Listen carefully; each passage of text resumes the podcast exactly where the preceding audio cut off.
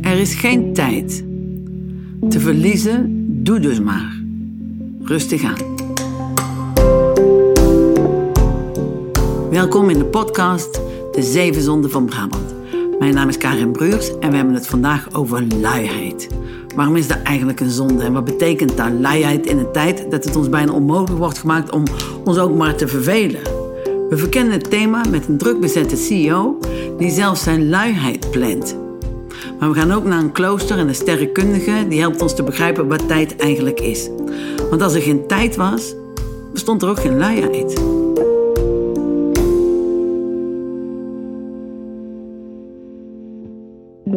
Je zet de muziek dus uit via je telefoon, valt me op. Ja, dat is wel zo makkelijk. Dus uh, we kunnen altijd vanaf onze telefoons, dus mijn vrouw, eh, mijn vrouw ook, en in de toekomst vrees ik ook mijn kinderen, altijd makkelijk het volgende liedje bepalen of het liedje aanzetten of uitzetten. Theo is op bezoek bij Ernst-Jan Fouts, journalist, medeoprichter van De Correspondent en de CEO van de internationale editie De Correspondent. Je kunt dus wel zeggen dat hij het behoorlijk druk heeft. Jij, jij maakt het leven makkelijker met techniek. Ja, ik probeer techniek mijn doelen te laten dienen. Dus ik, vind, ik denk dat techniek een heel mooi middel kan zijn om bepaalde aspecten van het leven makkelijker te maken. Bijvoorbeeld dingen die ik heel vaak doe. Eh, e-mail bijvoorbeeld, dat is toch eh, een groter deel van mijn tijd om mijn lief is, ben ik daarbij bezig. Dus dan kijk ik naar hoe kan ik ervoor zorgen dat ik die dingen die ik heel vaak doe, hoe kan ik die bijvoorbeeld automatiseren. Ehm, ik heb bijvoorbeeld voor alle mailtjes die ik vaak krijg, type mailtjes die ik vaak krijg, vragen over de correspondent. Of eh, standaard vragen waarvan ik weet, die ontvang ik vaak. Of uitnodigingen waar ik niet op in kan gaan. Ehm, die, daar heb ik standaard antwoorden voor geschreven. Die kan ik heel makkelijk oproepen. Dan pas ik het een beetje aan, geef ik misschien een alternatief. En dan Je, je vindt het niet onpersoonlijk om het zo te doen. Nee, want ik, ik heb dan... Bijvoorbeeld als ik ergens niet op in kan gaan. Ik heb, ik heb een hele drukke baan, daar wil ik graag op focussen. En ik wil niet dat eh, mijn vrije tijd dan vervolgens opgaat aan andere dingen naast mijn werk. Eh, dus ik heb dan dat zo goed mogelijk proberen uit te schrijven één keer. Daar heb ik lang over nagedacht, heel veel moeite ingestoken. En daardoor kan ik iedereen ehm, ja, het beste duidelijk maken waarom ik bijvoorbeeld nee zeg. En ik, en ik heb ook altijd een paar openingen waar ik dan een alternatief bied, bijvoorbeeld, dat wel persoonlijk is. Dus datgene wat persoonlijk moet zijn, is persoonlijk. En wat niet persoonlijk is, heb ik heel goed over nagedacht. Heb je nog een voorbeeldje van hoe je het leven makkelijker maakt met techniek? Uh, nou, ik heb mijn takenlijst is heel belangrijk. Dus iedereen uh, heeft altijd wel dingetjes die je even bedenkt van... Uh, oh, ik moet vanavond nog een bepaalde boodschap doen. En vroeger bleef ik daar dan telkens over nadenken... dat ik elke, elke uur dacht, oh ja, vanavond moet ik die boodschap doen. Niet vergeten. En dat neemt toch het denkruimte in beslag. Het heet met een wetenschappelijke term het Zeitgarnik-effect. Het is vernoemd naar een wetenschapper die ooit op het terras zat... en, het viel haar op dat obers altijd heel goed bestellingen onthouden. En zodra ze het hebben uitgeserveerd vergeten zijn... En daar concludeerden ze uit dat uh, als je een taak nog niet afgerond hebt, dan denk je er het aan. Dus wat ik wil doen eigenlijk is gewoon op mijn telefoon, ik doe het nu, uh, ga ik naar een bepaald, uh, bepaald minuutje en daar voer ik een taak in. En het is alweer gebeurd. Het staat nu op mijn takenlijst. en dat geeft helderheid in jouw hoofd, rust. Ja, ik weet. En dat, dat is het doel, om rust en helderheid in je hoofd te krijgen. Ja, ruimte te creëren voor dingen die ik echt belangrijk vind. En wat is dat dan? Waar krijg je dan ruimte voor? Wat je misschien anders niet zo snel zou hebben? Nou, als je niet die regie neemt, dan, dan, uh, dan dat deed ik vroeger niet. En dan zagen mijn dagen er als volgt uit. Vergadering, vergadering, e-mail, e-mail, vergadering, vergadering, e-mail, e-mail. Nog een paar berichtjes beantwoorden. Einde van de dag. En wat, wat had ik nou helemaal voor elkaar gekregen? En door heel kritisch te kijken naar waar wil ik mijn tijd voor vrijmaken? Wat kan ik automatiseren? Wat kan ik op vaste momenten doen? Kan ik ruimte creëren voor werk waarvan ik aan het einde van de dag denk... oké, ik heb echt iets van waarde gedaan. Ik heb echt iets toegevoegd. En ik heb niet alleen maar eindeloze e-mailtjes heen en weer gestuurd. Nou, nou hebben we het over in deze podcast over luiheid. Valt dit nou onder het kopstukje uh, luiheid? Of misschien is het eigenlijk wel vlijt? Want je maakt het leven makkelijk. Mm -hmm. je, je ruimt makkelijker op. Zou kunnen zeggen, is een vorm van luiheid. Nou, ik denk dat ik ruimte probeer te creëren voor, voor rust. En uh, dat het lui is als je dat denk dat luiheid nu in deze tijd is als je dat niet doet. Als je het maar gewoon allemaal over je heen laat komen. Dus als je maar... Dat is gemakzucht. Laat maar gebeuren. Ja, als je niet nadenkt over hoe verhoud ik mij tot mijn telefoon, hoe verhoud ik me tot mijn e-mail. Dat je dan, dat je dan de hele dag alleen maar uh, bezig bent met inkomende dingen, inkomende berichten. En dat is eigenlijk een soort nieuwe vorm van luiheid. Terwijl als je echt actief gaat nadenken over wat wil ik doen en hoe wil ik daar ruimte voor maken, dat vereist heel veel energie en, en, en denkkracht.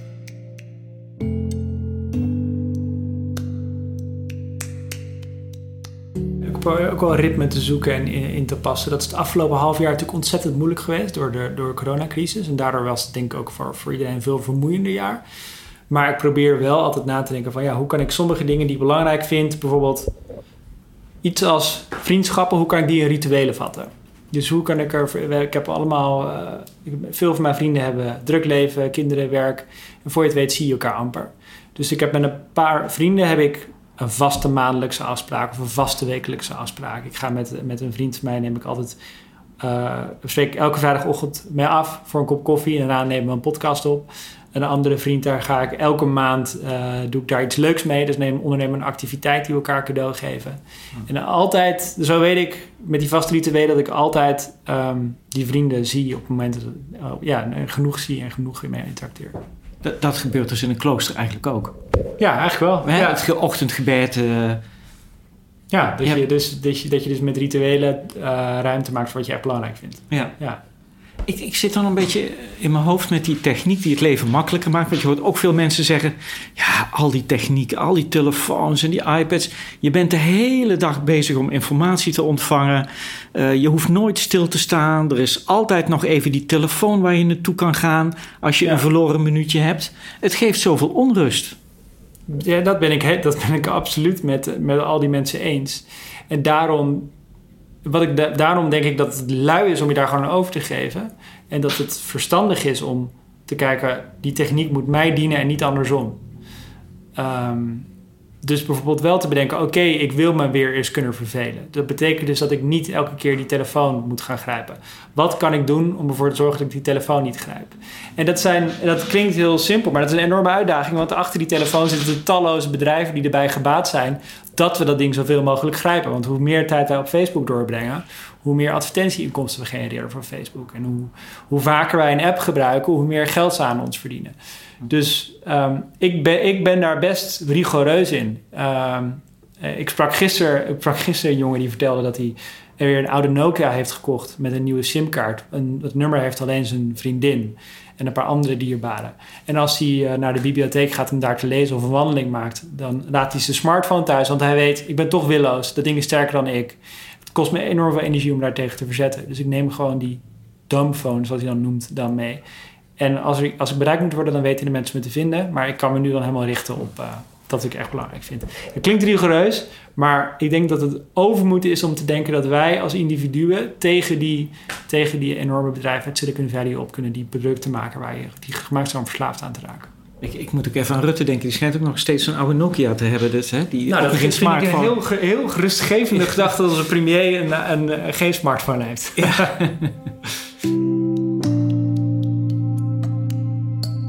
Zoveel mogelijk tijd besteden aan wat je zelf waardevol vindt. Daar kun je de hulp van moderne techniek bij gebruiken. Maar veel vaker gebeurt het tegenovergestelde. Als we niet oppassen, dan slokt de techniek al onze tijd op. Misschien zit de zonde van luiheid wel niet in het nutteloos besteden van je tijd, maar meer in het niet bewust omgaan met je tijd. En als die tijd dan verloren is, kun je die dan ooit nog inhalen?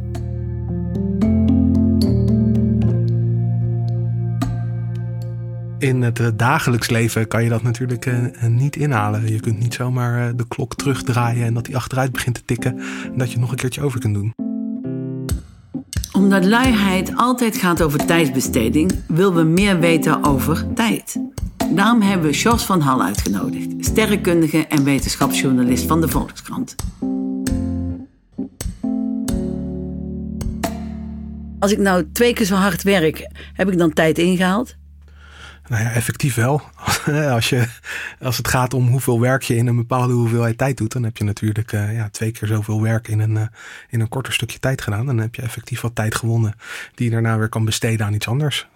Ja, hebben allemaal dezelfde amount of tijd? Het ligt er denk ik aan hoe oud je ongeveer wordt. Ehm, het is wel zo dat natuurkundig uh, loopt niet ieders klokje even hard. Dat, uh, dat hangt, het is een beetje gek, maar dat hangt af van hoe snel je beweegt ook. En, Oei, nou wordt het spannend. Oké. Ja, dan ga, ga ik meteen Albert Einstein erbij halen. Ja.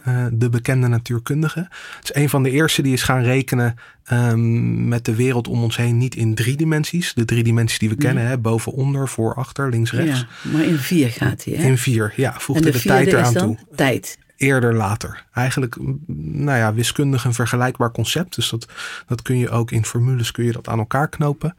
En um, dan kun je je al een beetje gaan voorstellen dat als je um, beweegt door de ruimte, dat je misschien ook kunt bewegen door de tijd. En dat, als dat vergelijkbare concepten zijn. Maar is de dan tijd je... niet overal hetzelfde op aarde? Nou ja, dat is de, goed, dat is de interessante vraag. Stel je staat, je hebt een auto. Ja. Daar ga ik het meestal uh, mee vergelijken. Je hebt een auto die staat stil. Die staat geparkeerd. Dat kun je zien. Er zit geen bestuurder in. Die auto staat geparkeerd. Um, dat klopt. Die staat stil in de ruimte. In de ruimte beweegt hij niet. Maar hij beweegt wel in de tijd. Net als wij allemaal Ja. gaat het klokje in de auto gaat gewoon vooruit. Stel nu dat die auto gaat bewegen. Je moet ruimte en tijd dan een beetje zien als communicerende vaten. En dan moet je een heel klein beetje van je snelheid door de tijd... moet je overhevelen naar snelheid door de ruimte. Dan gaat die auto rijden. Maar dan gaat het klokje in die auto dus eigenlijk Gaat niet sneller. ietsje langzamer tikken. Dat is hoe je uh, kunt gaan tijdreizen. Dat is een heel esoterisch klinkend uh, principe. Maar in de jaren zeventig hebben natuurkundigen dat bewezen. Die hebben een, een atoomklok aan boord van een vliegtuig gestopt. En, en eentje op de grond gehouden. Atoomklokken zijn hele nauwkeurige uh, klokken. En uh, op het moment dat ze die uh, zeg maar een rondje om de aarde hebben laten vliegen, konden ze na afloop zien dat in dat vliegtuig een heel klein beetje minder tijd voorbij was gegaan uh, tijdens die vlucht dan bij die atoomklok die op aarde ging. was gebleven. Ja, vanwege de beweging van dat vliegtuig. Dus hard rijden naar huis op de, op de snelweg, A2 ja. naar Brabant, om thuis gaat te zijn. er ietsje minder tijd voorbij. Het is echt een fractie van een fractie van een seconde. Ja, maar tel ze maar eens bij elkaar. Ja, nou dan is het nog steeds niet zoveel hoor. Okay. Maar je, moet, je kunt dan uit gaan rekenen als je gewoon heel snel gaat. Met snelheden die de lichtsnelheid naderen. En de lichtsnelheid is het absolute snelheidsmaximum in, uh, in de kosmos. Dan gaat het aantikken. Dan dus dan, kun je echt, dan, dan heb je meer tijd dan een ander. Ja, dan, nou ja, dan ben je ergens uh, sneller zou je kunnen zeggen. Dus uh, stel ik vlieg naar de rand van het zichtbare universum en ik vlieg weer terug. Um, dat kun je uitrekenen. Die rand van het zichtbare universum ligt zo op uh, 13,5 miljard lichtjaar hier vandaan. Ga je heen en weer. Dan is er hier op aarde, als je met de lichtsnelheid gaat, zou er 7, 13,5 keer 2 is 27 miljard jaar verstreken zijn. Ja. Maar voor jouzelf als je in een, uh, in een bepaald type raket stapt die je lekker laat versnellen, uh, zou je dat bijvoorbeeld kunnen doen in 90 jaar. Uh, dus dan kun je net in okay. een mensenleven kun je helemaal naar het eind van het universum en weer terug. Um, maar ja, als je terugkomt, is er hier 27 miljard jaar verstreken. Dus dat is een manier oh, om naar maar, de toekomst en, maar je te houdt jezelf jong dan. Ja. En dan kom je aan en dan verkruimel je meteen. Nee, dat niet. Nee, het is dus niet zo dat je van de ene tijd naar de andere stapt. Oké, okay, dus de resultaten bereikt. Is, is dat je in de toekomst terechtkomt. Uh, 27 miljard min 90 jaar. Maar waar heb je dan gewonnen? Dan Alleen heb, maar tijd, maar ja. geen beleving. Nee, je hebt niet extra jaren beleefd. Maar je zou bijvoorbeeld op die manier wel, uh, als je heel benieuwd bent naar hoe het er hier over 100 jaar uitziet. En stel je zou de technologie hebben om een ruimteschip te bouwen waarmee je lekker snel kan vliegen. Ja, dan zou je dat, uh, dan zou je dat in theorie kunnen gaan doen.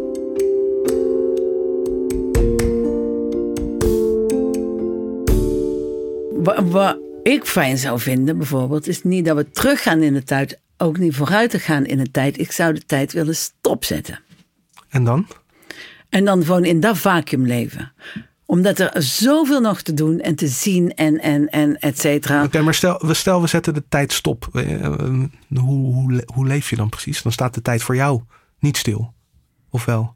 Nee, dan, jij bedoelt dan dat ik, dat ik helemaal niet meer kan bewegen en zo. Maar dat ik in de gestopte tijd de dingen kan doen die ik nu doe.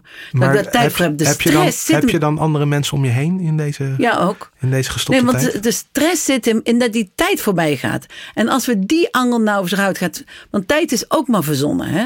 Ja, kijk, het- ik denk dat dit raakt een beetje aan, aan de twee manieren waarop je over tijd kunt spreken. Je kunt over tijd spreken in natuurlijke, eh, natuurkundige zin.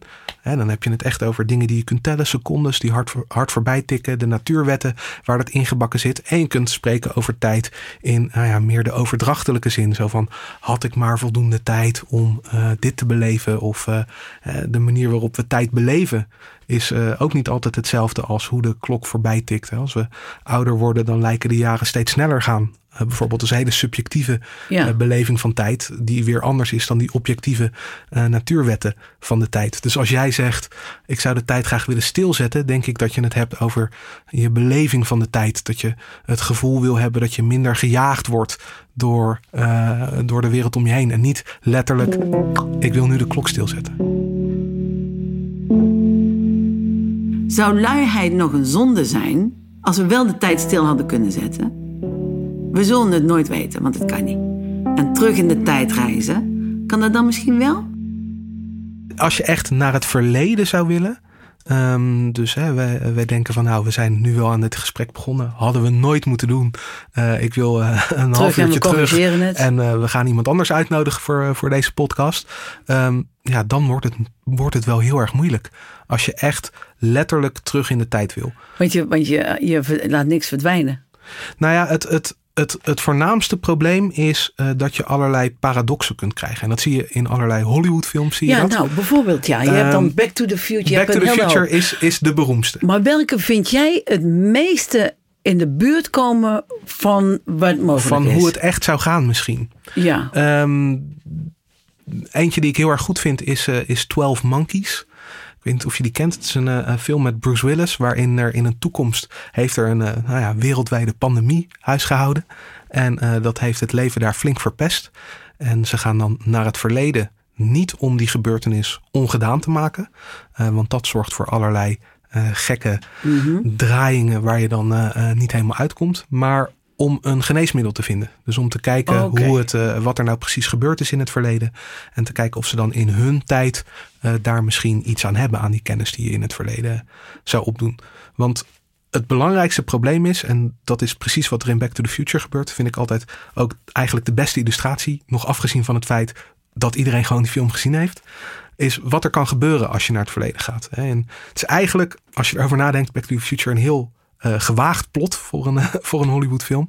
Want Michael J. Fox, die het hoofdpersonage speel, eh, eh, speelt, die gaat naar het verleden. Daar ontmoet hij zijn eigen moeder. ja, Die wordt verliefd op hem. ja. En daardoor komen zijn moeder en vader bijna niet bij elkaar. Nou, Ja, stel exact, dat dat ja. zou gebeuren, dan wordt hij Dan natuurlijk niet. verneuk je letterlijk de boel. Ja, dan wordt hij niet geboren. Nee, En, maar als hij niet geboren wordt, dan kan hij ook niet terug naar het verleden om eh, oh mijn god. dat zijn moeder verliefd op hem wordt. Dat is een van de klassieke uh, Ja. tijdreisparadoxen. Maar dat is een... Ja, oké.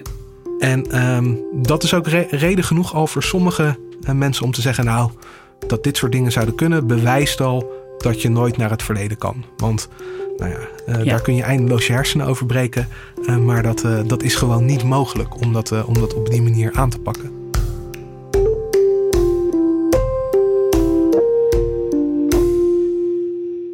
Ik vind onze samenleving... eh, nou, seen it, done it, been there. Op mijn leeftijd. Ja, Mhm. Ja. ik wil level up. Ik wil echt level up. Ik wil, eh, eh, eh, en misschien is straks de dood een level up, dat weet ik niet. maar voor de dood zou ik gewoon in een ander universum, in een, in een andere dimensie verder willen leven dan hier. Ja. Ik geloof het hier wel. Ik vind het een zooi en gerommel. Wat kan ik doen? Hoe kan ik hier weg? Nou, wat Ik je, hoef niet terug. Wat je waarschijnlijk moet, eh, moet hopen is eh, eh, dat we ehm, ergens in de buurt van de aarde een, uh, een wormgat tegenkomen. Hebben ze dan wel, ik wil wel Brabant in de future, future hè? Ja, ik, uh, dat, dat ligt er een beetje aan in wat voor een soort uh, parallele wereld je terechtkomt als je daar doorheen vliegt. Oké, okay, een zou, wormgat. Dat zou, nou ja, op papier, dan hebben we het wel echt over hele exotische mogelijkheden, maar op papier zou je dat misschien nog voor elkaar kunnen krijgen. En ja, ik stel me zo voor dat daar ook een Brabant is in, die, in, die, in dat verleden of in die toekomst waar terechtkomt. Gezelligheid kent geen tijd. En dus is er ook in andere dimensies gewoon een Brabant. Maar toch even, waar hebben we het eigenlijk over als we het hebben over tijd? Je kunt over tijd spreken in natuurlijke, uh, natuurkundige zin.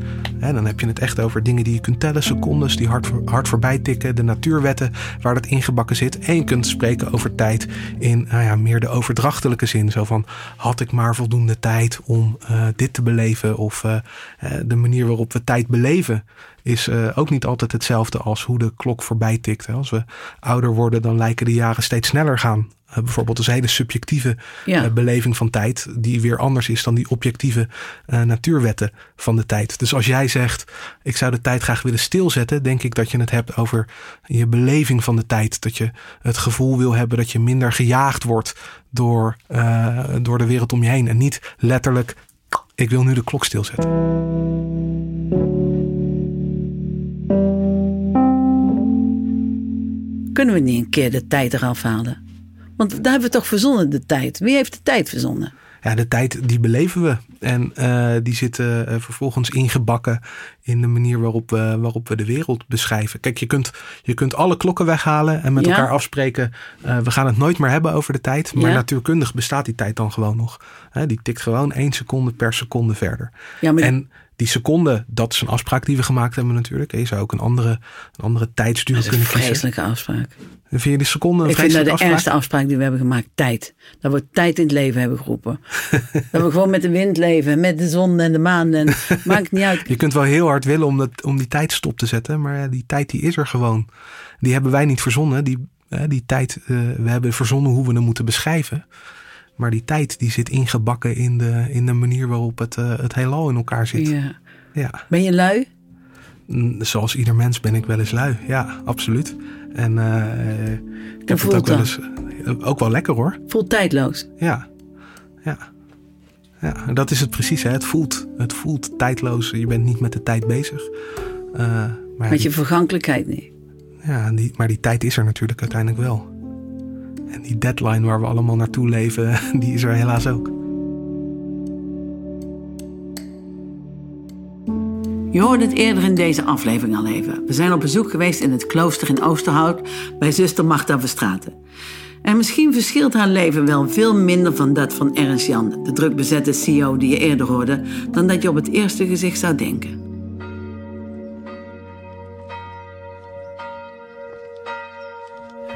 Misschien toch maar beginnen met de dagindeling. Hoe ziet die er voor u uit en is die elke dag hetzelfde? De dagindeling van ons klooster, we zijn in de Ons Lieve Vrouwenabdij, uh, is een niet helemaal de traditionele Benedictijnse dagindeling. Als je de regel erop naleest, is die nog gedetailleerder. Zijn er nog meer gebedsdiensten. Maar bij ons is het zo dat om half zes wordt het reveillegeluid. Dus opstaanssignaal. En om zes uur is het eerste dienst, de vigilie, de nachtdienst. Hoewel het deze tijd van het jaar dan al tamelijk licht is. Om half acht zijn de Louden, de morgendienst. Om half tien hebben we de Eucharistieviering. Om twee uur hebben we de middagdienst. Om vijf uur s middags de Vespers. En om kwart over acht de complete. Dus wij hebben één middagdienst in plaats van wat Benedictus vraagt, drie kleine uren. Dat is een strak schema. Dat is een schema wat een heleboel tijd creëert. Het is een schema en elke dag is ongeveer hetzelfde, behalve natuurlijk.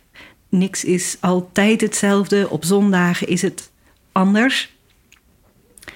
En op grote feesten is het ook anders. Dus in de tijd mag je ook merken dat het feest is.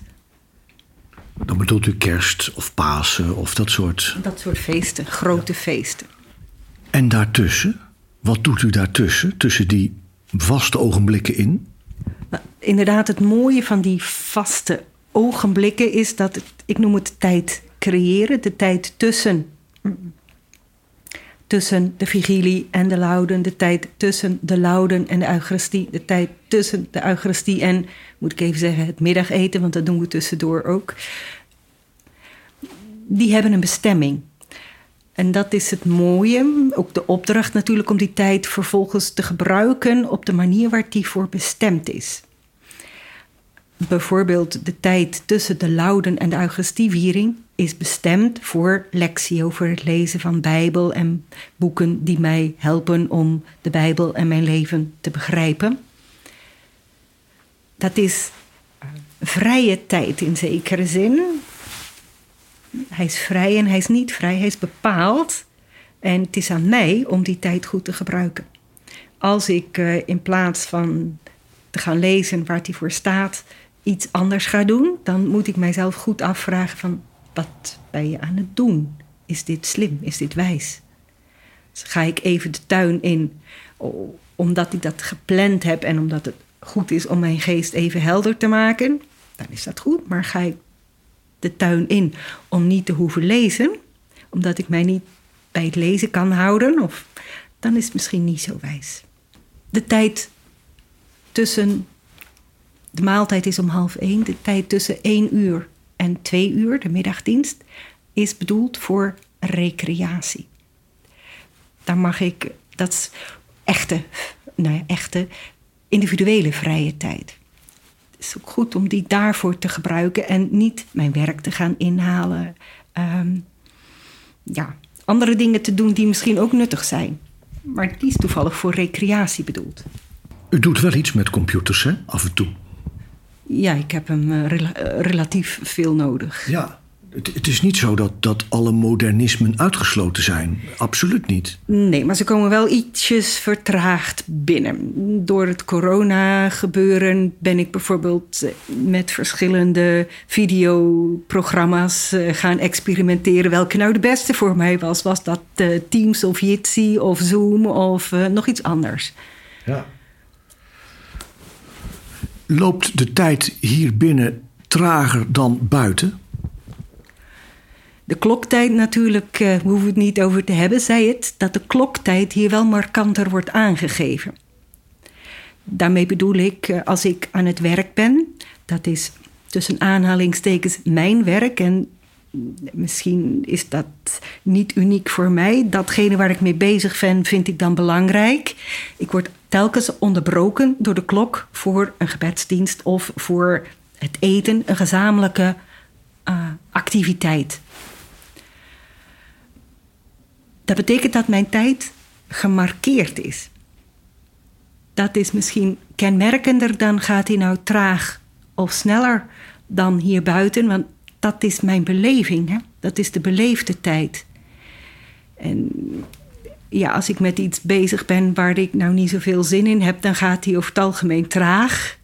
En ben ik iets, ben ik heel erg geïnvolveerd in wat ik doe, dan gaat hij over het algemeen een stuk sneller. Natuurlijk zit er verschil in elke dag, omdat je natuurlijk ander werk hebt of uh, andere boeken leest. Toch zou ik me kunnen voorstellen dat buitenstaanders uh, het saai zouden vinden. Um, ik, ik, denk dat als je je echt verdiept in, bijna zou ik zeggen, het maakt niet uit wat, dan wordt het interessant. Uh, dus mensen die postzegels verzamelen, die vinden dat bijzonder interessant. Als je ze niet verzamelt, een stukje papier met karteltjes, eigenlijk bijna uit een verleden tijd. Um, maar er zijn mensen die daar helemaal in opgaan, die daar alles van weten. En dan is het dus interessant.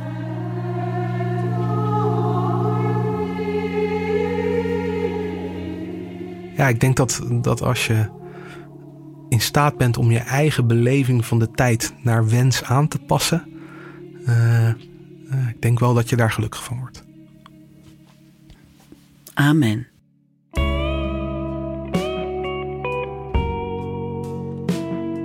je luisterde naar De Zeven Zonden van Brabant. Dat is een podcast van Brabant Kennis en dit keer verkenden we het thema luiheid. Vond je dit nou een fijne podcast om te luisteren? Er zijn er nog zes en die kun je nu vinden in je favoriete podcast-app. Deze podcast wordt geproduceerd door Johnny Wonder, eindredactie Thomas Hogeling, muziek en montage Rinky Bartels, reportages door Mino Remmers en Theo Verbrugge. Het eindlied is van Björn van der Doelen, het gedicht van Merel Morren en ik ben Karin Bruurs. Speciale dank aan zuster Marta Verstraten, Ernst Jan Fout en Sjors van Hal. Houdoe.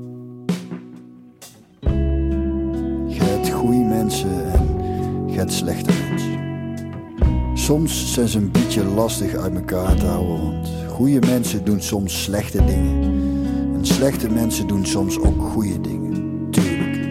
In sommige gevallen is het gewoon duidelijk. Dit is een door en door slecht mens. Hè? Adolf Hitler, Jozef Stalin, Giel Pelen, Pol Pot. Slechte mensen. Maar in de meeste gevallen is het wel lastiger te zien. Waar we het echter aan kunnen zien is niet zozeer het wat men doet of zegt, maar het waarom. Waarom doen de mensen de dingen die ze doen? Doen ze dingen uit liefde of doen ze dingen uit haat om mensen te kwetsen? Bijvoorbeeld de leugens die we vertellen, want we zijn tenslotte allemaal leugenaars. Zijn we daarom allemaal slecht? Nee.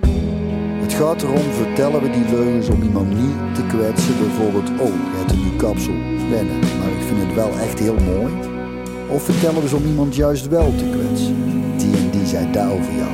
Maar leugen is om zowel degene tegen wie het zegt, als mede degene over wie het zegt pijn te doen. Slechte mensen. En zelfs bij iets wat we ten alle tijde als slecht ervaren, moeten we ons soms afvragen: is de dader nou een slecht mens? Bijvoorbeeld Martin Luther King, gezien wat de beste man voor de mensheid het betekent, mogen we hem denk ik toch zeker wel bij de goede mensen indelen. Echter, Martin Luther King was ook een fervent schuinsmarcheerder. Hij werd ook wel Martin Luther Swing genoemd. Was hij daardoor een slecht mens? Dat ligt eraan. Kwam zijn ontrouw voort uit de liefde voor de liefde, zo gezegd? Oftewel, was onze Martin gewoon zo scherp als een Duitse herder? Of piste hij geregeld langs de pot om zijn vrouw moedwillig pijn te doen? Ik vermoed het eerste. Hij zal het waarschijnlijk ook ten alle tijde tegenover zijn vrouw ontkend hebben. Waar komt de gij zo laat vandaan? Ik moest overwerken, waardoor we weer bij het eerste voorbeeld uitkomen. De leugen die hij vertelde om zijn vrouw niet te kwetsen. Goed mens dus. En zet dat tegenover het vreemdgaan uit bijvoorbeeld wraak, wat de partner juist ter oren dient te komen, zodat deze zich gekwetst voelt, omdat er kennelijk een rekening te vereffenen valt. Waar komt de gijzelaar vandaan? Ik ben weer vreemd gegaan, wel trust en zie. Goed, wat kunnen we hier nou mee? We kunnen nou onderscheid maken tussen goede en slechte mensen. De goede mensen, daar moeten we van houden. Die moeten we soms vergeven, de fouten, de tekortkomingen, de momenten dat ons pijn wordt gedaan, want weet dat de goede mensen dat niet doen om ons pijn te doen, maar omdat het simpelweg ook maar gewoon mensen zijn, met al hun zwakheden en onhandigheden. En de slechte mensen die hoefden niet te vergeven, daar hoefden niet van te houden, die hoefden eigenlijk niet eens te haten, die hoefden enkel en alleen maar te negeren. Geen gevecht mee aangaan, geen discussie, geen ruzie mee beginnen, want dat is precies wat ze willen, waar ze drijft. Gewoon negeren. Of zoals ons moeder altijd zegt, lekker in het vet laten smoren. Het kost de minste energie, ergernis en tijd, waardoor we alleen maar meer tijd en energie overhouden om van de goede mensen te kunnen houden. Ik heb voor het gemak mijn eigen ingedeeld bij de goede mensen. Dus hou van mij. En ik zal ook onvoorwaardelijk veel van jullie.